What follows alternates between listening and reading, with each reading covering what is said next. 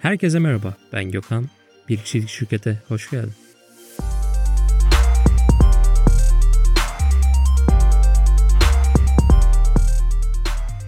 Böyle bir sürece girmeye karar verdikten sonra hazırlık aşamasında yapmamız gereken bazı şeyler var. Bu bölümde de elimden geldiğince basit bir şekilde bunları aktarmaya çalışacağım. Şimdi bunlardan ilki hikaye kısmı. Hikaye tarafı şu noktada önemli. Genelde biz günlük hayatımızı çok basit görebiliyoruz. Çok fazla anlatmaya değer bir hikayemiz yok diye düşünebiliyoruz. Fakat benim inancım herkesin anlatacak bir hikayesi var. Biz de hikayemizin üzerinde çalışıp bunu ilgi çekici, anlatılabilir hale getirmemiz gerekiyor. Eğer bunu yapmazsak ne oluyor peki? Akılda kalıcı olmamız, insanların üzerinde iz bırakmamız ya da değer katarken algılanma şeklimizi bu durum etkileyebiliyor. Eğer ki güçlü bir hikayemiz varsa ve bunu her çıktığımız yerde anlatıyorsak artık insanlar bizim o bir cümle ya da iki basit cümleyle anlattığımız o hikayeyi başkalarına bizi anlatırken kullanmaya başlıyor. Hepimizin günlük hayatı idol olarak aldığı insanlar var. Ve pek çoğunun baktığımızda bizdeki en dikkat çekici tarafı o kişinin hikayesi oluyor. Yani o kişinin hikayesinin güçlülüğü bizim üzerimizde çok fazla etki bırakabiliyor. Diyelim ki bizimle aynı yollardan geçmiş birisi ve biz halen o yolun başındayız. Bize bunu anlattığında ne oluyoruz aslında? Aa evet bunu bir tek demek ki ben yaşamıyorum. O da yaşamış. Ve o bunlardan nasıl çıkmış? Yani bu problemlerden ya da mücadele nasıl çıkmış? Onu inceliyoruz, ona dikkat ediyoruz. Ve genelde bir kitap aldığımızda ne yapıyoruz? Kitabın arkasını okuyoruz ve daha sonrasında yazarın hakkındaki kısmına bakıyoruz değil mi genellikle? Yani ben böyle yapıyorum, genelde öyle söyleyeyim. Ne yaptık? Kitabın yazarı kimdir? Yani o kişi hakkında bir bilgi alıyoruz. Ve o kişi kitabın içerisinde bu bir iş kitabıysa ya da örnek veriyorum bir kişisel gelişim kitabıysa kendi mücadelesinden örnekler veriyor. Yani bizimle bir duygusal bağ kurmaya çalışıyor. İşte tam olarak bu sebeple hikayemizin üzerine çok ciddi düzeyde çalışmalıyız. İkinci olarak da motto. Yani mottomuz bir cümleyle bizim ne yaptığımızı ifade eden bütün diyebiliriz. Bu mottomuzu artık netleştirdikten sonra insanlar bir cümlede bizim ne yaptığımızı çok net olarak anlayabiliyor. Yani kime yapıyorum, ne yapıyorum, nasıl yapıyorum. Bu üç tane sorunun cevabını bu cümle vermeli. Örnek olarak ben kendi mottomu paylaşayım. Uzun yıllarda bunu kullandım. İçerik üreterek işini büyütmek isteyen kişisel markalara destek oluyorum. Şimdi bizim burada hedef kitlemiz kim? Kişisel markalar. Ne yapmak istiyorlar? İşlerini büyütmek istiyorlar. Nasıl yapmak istiyorlar? İçerik üreterek bunu yapmak istiyorlar. Yani bu üç tane ben soruya çok net cevap verdim ve zaten ortaya bir motto çıkmış oluyor.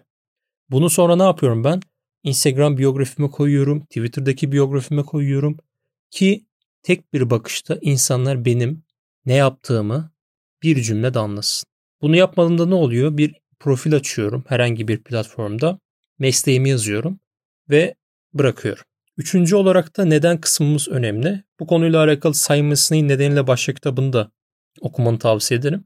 Orada da çok fazla konuyla alakalı detay var. Bir şeyi neden yaptığımızı bilmediğimizde ona güçlü bir motivasyon duygusuyla bağlanamıyoruz.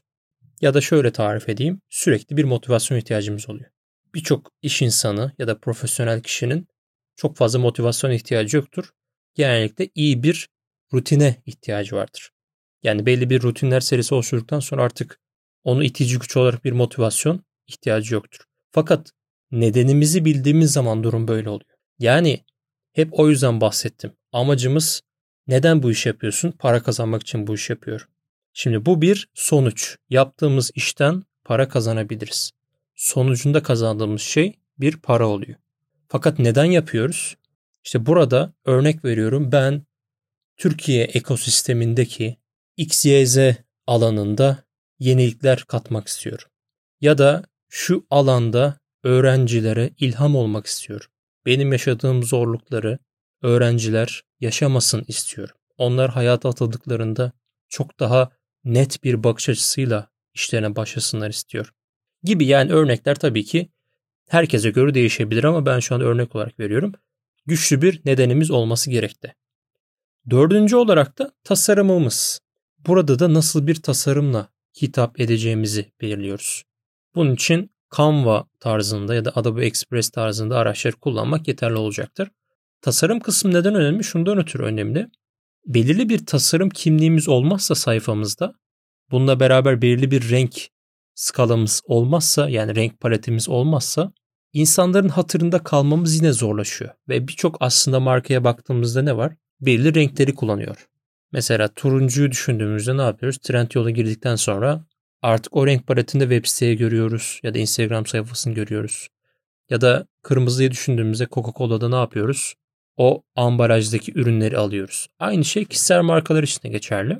Kendi sayfamıza özgü belirli bir renk paletimiz olması lazım. Ben 2021 yılında yola çıktığımda sarı ve lacivert renklerini seçmiştim. Bu birazcık daha dikkat çekmişti. Yani iki, toplam 4 tane renk seçmiştim. Sarı, lacivert, gri ve koyu gri olarak bu 4 rengi kullandım sayfamda. Ve sayfama giren herkes bu 4 rengin haricinde hiçbir şey görmemişti. Ve durum böyleyken de artık sarı renkli bir gönderi gördükleri zaman he bu Gökhan'ın gönderisi ya da lacivert gördüklerinde aa bu Gökhan'ın yaptığı tasarımdan çıkmış bir gönderi diye tek seferde ulaşabiliyorduk. O yüzden bir tasarımımız da olmalı. Bununla beraber de bir renk paleti de belirlememiz gerekti. Beşinci olarak da iletişim dilimiz. Şimdi iletişim dili ben yani podcast'te bunu daha tam hakikaten ayarlayamadım. Alışkanlığım bu yönde çok fazla olmadığı için. Bazen sen diyor hitap ediyorum. Bazen siz diye hitap ediyorum. Hani böyle karşımda sanki 100 kişi varmış gibi. Halbuki podcast'te de bu var. Yani şu anda dinleyen sadece sensin. Seninle aynı anda başkaları da dinliyor olabilir. Fakat şu an olarak baktığımızda bir tekil kişi olarak sen dinliyorsun. Ve ben siz dediğimde bir büyük bir topluluk gibi bir duruma girmiş oluyor aslında. Sanki böyle karşımda yüzlerce kişiye bir mikrofonu elime alıp konuşma yapıyormuşum bir hissiyata bürünebilirsin. Bunu ben de oturtmaya çalışıyorum. Bunu itiraf edeyim. Sen ve sizleri olarak. Aynı şekilde sosyal medyadaki platformlarda da bir iletişim dilimiz olması gerekiyor. Takipçilerimize sen diye mi hitap edeceğiz yoksa siz diye mi hitap edeceğiz? Ben burada yola çıkarken şöyle yapmıştım. Takipçilerime sen diye hitap ediyordum. Fakat müşterilerime siz diye hitap ediyordum. Tabii ki orada bir saygı gereği siz diye hitap etmek daha iyiydi. Bu iletişim dilini belirledikten sonra çok fazla değişiklik yapmak mantıklı değil. Örnek veriyorum hikaye atıyoruz. Sizin böyle bir sorununuz mu var diyoruz. Ya bu birazcık da ne oluyor? Resmi oluyor ve sosyal medyada hep ne vardı? İşte etkileşim odaklı platformlar insanlar daha çok kendilerine yakın davranan, samimi davranan, samimi dili olan kişilere daha çok reaksiyon gösterebiliyor. Sen demek daha mantıklı. Hepimiz bireysel tüketim yapıyoruz. Toplu bir şekilde tüketim yapmıyoruz ve bireysel tüketim yaptığımız için de o kişiye direkt olarak hitap etmemiz gerekti. Bu yüzden de iletişim dilimiz üzerinde çalışıyoruz. İlk 5 maddeyi bu şekilde bitirdik. 6. maddeye geldiğimizde rakip analizi. Hep denir ya şöyle hani Amerika'yı yeniden keşfetmeye gerek yok. Örnek veriyorum bir e-ticaret mağazası açacaksın. Hangi alanda olsun? Tekstil alanında olsun. E şimdi bu konuda zaten sektörde yüzlerce başarılı marka var. Binlerce girmiş belki marka var. Belki daha fazladır emin değilim. E durum böyleyken sıfırdan bir şeyi yapmak çok mantıklı olmayabiliyor. Peki ne yapıyoruz? Mevcut rakiplerimizi detaylı olarak analiz ediyoruz. Bu ne yaparsak yapalım çok net olarak geçerli bu arada. Yani bir ürün satacaksak, e-ticaret mal açsak da geçerli. Aynı şekilde kişisel markamız için bir sayfa açsak da gerekli. Yani bir yaşam koçu da olsak, bir doktor da olsak, psikolojik danışman da olsak, avukat da olsak mevcut olarak sektörde benden daha önce girmiş kişiler ne yapıyor? Ve biz ne yapıyoruz? Buradaki o kişilerin iyi taraflarını, kötü taraflarını, içeriklerinin hangilerinin daha çok talep gördüğünü, hangilerinin hiçbir şekilde reaksiyon almadığını bunları detaylı olarak inceliyoruz. Ve yola çıkarken elimizde çok büyük bir veri oluyor. Yani örnek veriyorum biz e-ticaret mağazası açmak istiyoruz ve tekstil için yine örneğimizi buradan götürelim. Rakiplerimiz hep tişört satıyor ya da kışlık kaban satıyor, mont satıyor vesaire. Fakat bakıyoruz ki belli kategorilerde çok fazla talep yok, tükenmiyor yani ama belli ürünler çok daha fazla alınıyor ve daha çabuk tükeniyor. Demek ki burada nedir? Bu ürüne bir ilgi var tüketiciler tarafından. Ya da Instagram sayfasına girdim veya LinkedIn sayfasına girdim o kişinin. İçeriklerini analiz ettim. Bir tane içeriği çok ciddi düzeyde etkileşim almış. Bakıyorum içeriği neyle alakalı? İşte içeriği Örnek veriyorum. İş hayatına atılmak isteyen öğrencilerin yapması gereken 3 şey. Ha demek ki buradan şunu anlıyorum. Bu kişinin hedef kitlesi daha böyle kısa, öz bilgileri istiyor. E ben burada çok daha detaylı bir makale yayınlarsam demek ki çok fazla etkileşim almaz gibi burayı düşünebiliriz. İşte bu yüzden de bir Excel doküman açıp bunu çok detaylı yapmamız gerekti. Ben müşterilerimle çalışmaya başlamadan önce benim hazırladığım bir Excel doküman var. Bu Excel dokümanda o eğer ki bir Instagram hizmeti ise o kişinin alanındaki tüm rakipleri çok detaylı olarak inceliyor. Yani birkaç tane hatta örnek vereyim. O kişinin YouTube kanalı var mı? Twitter'da aktif mi? Yani bütün sosyal medyalarına bir kere net olarak bakıyorum. Sadece Instagram bazlı bakmıyorum. Bazen çünkü şunu yaşayabiliyoruz yani Instagram'da 70 bin takipçisi var. Attığı gönderiler çok düzensiz, hiçbir tasarım yok. Yani böyle karışık bir sayfa düzeni var fakat çok ciddi etkileşim oluyor. Bir giriyorum meğer adamın YouTube'da 200 bin abonesi varmış örnek veriyorum. Ya da kimleri LinkedIn'de çok ciddi aktif oluyor. Instagram'da çok fazla öne çıkmayabiliyor. Yani etkileşim alıyor ama çok böyle düzenli bir içerik yok. İşte burada tüm sosyal medyalarına bir kere net olarak bakıyoruz. En çok tutan gönderilerine bakıyoruz. Bu bize o alanla ilgili net bilgi veriyor. Yani düşün müşteri geldi. Kim zaman astrologla çalışıyoruz. Kim zaman yaşam koçuyla. Kim zaman psikolojik danışmanlarla çalışıyoruz. E durum böyleyken sektörü benim her sektörü çok iyi düzeyde bilmem mümkün değil. Tabii ki belli kategorilerdeki müşterilerde düzenli olarak çalışmaya başlayınca o sektör hakkında da detaylı bilgi sahibi oluyoruz. Fakat yeni bir sektörden biri geldiğinde en hızlı şekilde anlamak için takipçilerin en çok etkileşim verdiği içerikleri analiz edebiliyoruz. Ve bunu birçok şey için dediğim gibi yapmak mümkün. Bunu yapmadığımızda ne oluyor? E ben ne üreteceğim? Üretsem tutar mı? Ya böyle yapsam olur mu? Gibi birçok noktada soru işareti yaşıyoruz. O yüzden rakip analizi gerçekten önemli.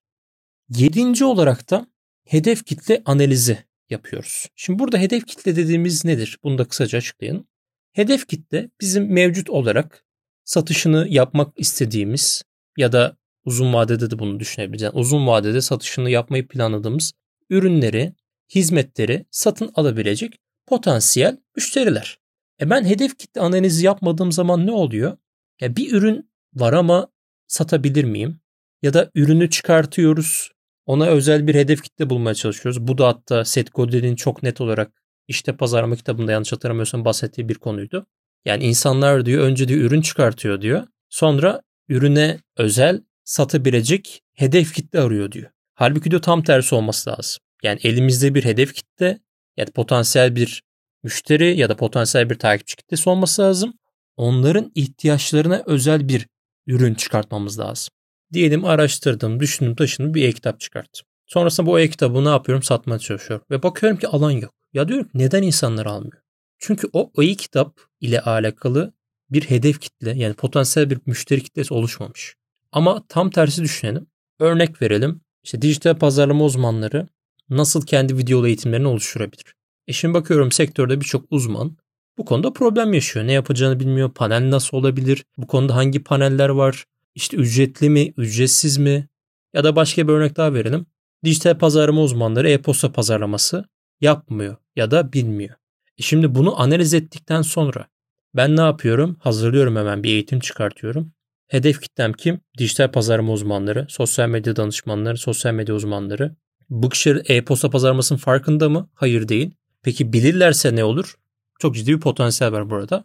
Sonrasında sadece bu hedef kitleye özel olarak dijital pazarlama uzmanları için 60 dakikalık e-posta pazarlama eğitimi çıkartıyor. Yani daha öncesinde zaten mevcut olan bir hedef kitle var. Ben bu hedef kitleye özel bir ürün geliştirdim. İşte o yüzden hedef kitle analizi yapmamız lazım. Hedef kitle analizi yapmadan başladığımızda kime sesleneceğimizi bilmiyoruz. Nasıl seslenmemiz gerektiğini bilmiyoruz. Belki bizim hedef kitlemiz 25 ile 35 yaş arasında kadın tüketiciler. Ya da belki öğrencilere yönelik bir ürün çıkarttık. Üniversitede okuyan 18 ila 25 yaş arasındaki üniversite öğrencileri. Bunu belirlemediğimiz zaman ne oluyor? Çok ciddi şekilde hem reklam parası harcadığımızda bunu boş harcıyoruz. Kime seslendiğimizi bilmediğimiz için. Hem de herhangi bir reklam metni yazarken ya da içerik oluştururken karşımızda kim var? Yani bunun için tabii ki bir tık daha detay vermek gerekirse işte personalar oluşturulabilir. Bunları belki başka bölümlerde daha detaylı olarak ele alabiliriz. Yani personada ne var? karşımda birisi var. Bunu tabii ki çok daha büyük markalar profesyonel olarak işte kalitatif, kantitatif araştırma metotları kullanıyor. Fakat bir kişilik şirket yolculuğumuza çıktığımızda tabii ki bu kadar bütçeler, böyle bir imkanlar elimizde olmayabilir ki birçoğumuzun belki yoktur. O yüzden de iyi bir şekilde kendi hedef kitlemizi analiz etmemiz gerekiyor. Sekizinci olarak bahsedeceğim konu içerik stratejisi. İşte bu kısma kadar biz neleri yaptık? Tekrar hemen kısaca üzerinden geçeyim. Hikayemiz üzerinde konuştuk. Hikaye, motto, neden, tasarımımız, iletişim dilimiz, rakip analizi ve hedef kitle analizi. Artık elimizde ne var? Rakip analizi ve hedef kitle analizimizden kaynaklı çok ciddi bir veri var. E şimdi biz bu verileri neye dönüştüreceğiz? İçerik stratejisine dönüştüreceğiz. Yani nasıl içerikler üreteceğimize artık karar veriyoruz. Bunları yapmadan ben içerik stratejisi oluşturabilir miyim? Kesinlikle oluşturamam. Bu şuna benziyor aslında. Bir yelkenli gemiye bindik. Fakat dümen yok. Yani bizi ne yapar? Dalgalar ya da akıntı nereye götürürse biz oraya gideriz. Fakat bu içerik stratejisini belirlediğimizde artık az önceki bahsettiğim gibi benim hedef kitlem 18 ila 25 yaş arasındaki üniversite öğrencileri ise bunu daha da daraltmak tabii ki avantajlı. 18 ile 25 yaş arasında özel üniversitede okuyan öğrenciler diye bile daraltabiliriz. Tabii ki bunun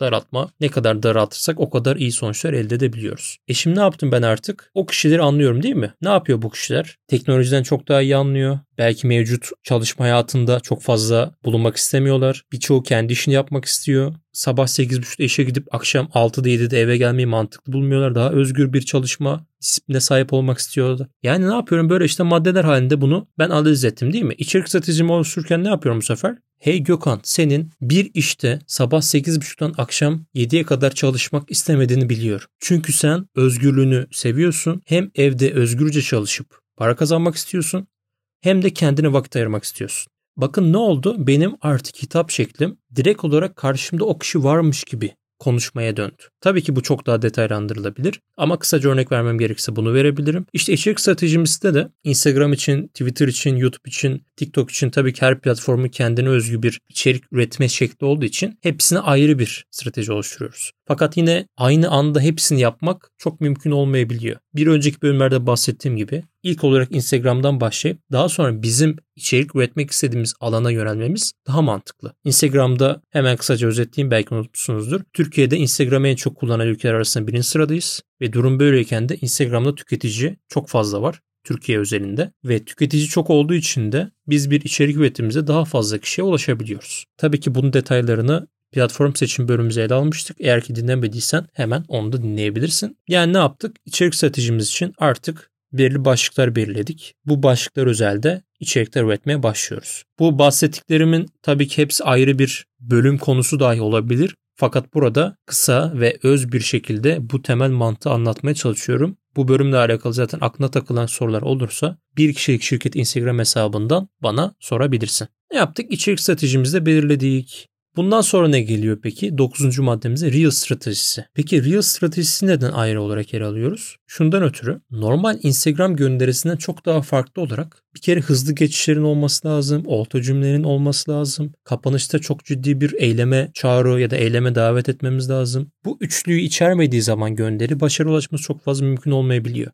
Ve son olarak da 10. maddemizi platform stratejisi. Bunu zaten bir önceki bölümlerimde aktarmıştım. Her platformda olmak istemek gayet güzeldir fakat başlangıçta yanlıştır. Ciddi bir ekip yoksa eğer ki altınızda her platformda aynı anda var olmak çok fazla mümkün değildir. Tabii ki bunun kısa yolları vardır fakat başlangıçta istikrarlı bir şekilde bir platformda var olmak, daha sonrasında yavaş yavaş bu platform sayısını arttırmak daha mantıklıdır. 10 maddemiz içerisinde hazırlık aşamasında neler yapmamız gerektiğini aktardım. Tabii ki çok daha detaylandırılabilir fakat bu bölüme özel hepsinden kısa kısa notlarla elimden geldiğince aktarmaya çalıştım. Sonuç olarak şunu düşünebilirsin. Plan artı program artı istikrarlı olduğun sürece muhteşem sonuçlar elde etmen mümkün. Ve bu üçlüden bir tanesini çıkarttığımızda benim kendi deneyimlerimde gözlemlediğim başarıya ulaşamıyoruz. Daha önceki bu şekilde müşterilerle çalıştığımızda oldu. Çok iyi plan yapıyoruz, çok iyi program yapıyoruz. Fakat müşteri çok yoğun. Hiç içerik üretmeye vakit ayıramıyor. Takipçileriyle etkileşim kuramıyor. Ne oluyor? Başarı gelmiyor. Ya da takip ettiğim kişilere bakıyorum. Çok istikrarlı içerik üretiyor. Çok belki programlı gidiyor ama planı yani stratejisi yanlış. Bu şekilde sonsuza kadar içerik üretse dahi belki başarı ulaşması mümkün değil. İşte bu üçlü o yüzden önemli. Plan, tekrarlıyorum. Plan artı program artı istikrar eşittir muhteşem sonuçlar. Az önce bahsettiklerimin tümü bizim planımızın parçalarından ibaret. Bu planlara göre bir program ortaya çıkartıyoruz ve bu programa da uyarak istikrarlı içerik üretiyoruz. İşte bu başarıyı net olarak getirecektir hangi platformda denersek deneyelim başarı getiren bir sistem diyebilirim. Şunu da unutmamak gerekti. Ne yaptık? Artık 2023 yılına girdik. Ve çeşitli koşullardan kaynaklı birçok ürünün maliyeti arttı. Yani geçtiğimiz iki senede daha doğrusu çok hızlı bir ivmelenme oldu. Ve birçok alanda kişisel markalar oluşmaya başladı. Ve daha da artacağını beğeniyorum. Yani bireysel girişimcilik daha da artıyor. Ve durum böyleyken rakiplerimizden ayrılmak. Ya burada rakip diyorum ama hani şu noktada altını çizeyim. Hani böyle rakip, kanlı, düşmanlı falan gibi düşünmeyelim. Hani benim de mesela sektörde çok iyi muhabbetim olan kişiler var ama hani böyle bir analiz yaparsam onlarla alakalı. İşte rakip analizi diyoruz yani isim olarak. Yoksa rakiplerinizi de böyle işte kanlı, bıçaklı vesaire gibi bir olma durumunuz yok. O muhabbetiniz olan kişiler de olabilir. Ya da sektörü zaman network edindiğin kişiler de olabilir. Yani olaya rakip olarak e, bakmamak lazım. İsim olarak ben bunu e, belirtiyorum sadece. Kendi alanında da muhtemelen birçok kişi artık yeni bir girişime başlayacak. Kimileri içerik üretmeye başlayacak. Kimileri topluluklarda aktif olarak rol almaya çalışacak. Kimileri de herhangi bir şey yapmayacak. Bu podcast'i buraya kadar dinliyorsan bir kere sen çok net olarak bir şeyler yapmak istiyorsun. Bunu net olarak ifade edebilirim. İşte bu bahsettiğim maddeleri yapmadığımız zaman yola çıktığımızda bir şeyler her zaman eksik oluyor. Ya bu benim çıkarttığım 10 madde ilk yola çıktığımda benim de böyle bir maddem yoktu. Yani hikayem bu olsun, mottom bu olsun diye başlamadım. Fakat zamanla hem müşterilerle çalışmaya başladıkça hem de onların sayfasına bazı şeyler deneyimledikçe hem de kendi sayfamda bunları deneyimledikçe gözlemledim artık. Hepsi puzzle'ın bir parçası ve puzzle'daki bir tane parçayı çıkarttığımızda resmimiz ya da tablomuz kötü görünüyor. Bunu sektöre yeni giren birçok kişi de bunları yapmıyor ve muhtemelen yapmayacak. Başlangıçta belki zor olabilir. Şu an dinlediğin çok fazla detay var gibi geliyor olabilir. Gözünde büyütüyor olabilirsin. Fakat bunları biz sürekli her ay yapmayacağız. Belki yılda bir defa yapılabilir. Ama emin ol bunu yaptıktan sonra kafan o kadar net olacak ki böyle çıkmak istediğin yolda artık ne içerik üretmeliyim, ne paylaşmalıyım, insanlara nasıl hitap etmeliyim, hangi platformlarda olmalıyım, rakiplerim ne yapıyor falan gibi konularında kafanda hiçbir soru işareti olmayacak. İşte bu 10 tane maddeyi layıkıyla yerine getirdiğin takdirde planlı, programlı ve istikrarlı olduğun sürece muhteşem sonuçlar elde etmen gayet mümkün ve bunu yapabileceğine inanıyorum. Bunlar ilave olarak da eklemek istediğin, kafana takılan bir şey varsa bir kişilik şirket Instagram hesabından beni takip etmeyi unutma. Kendine iyi bak. Bir sonraki bölümde görüşmek üzere.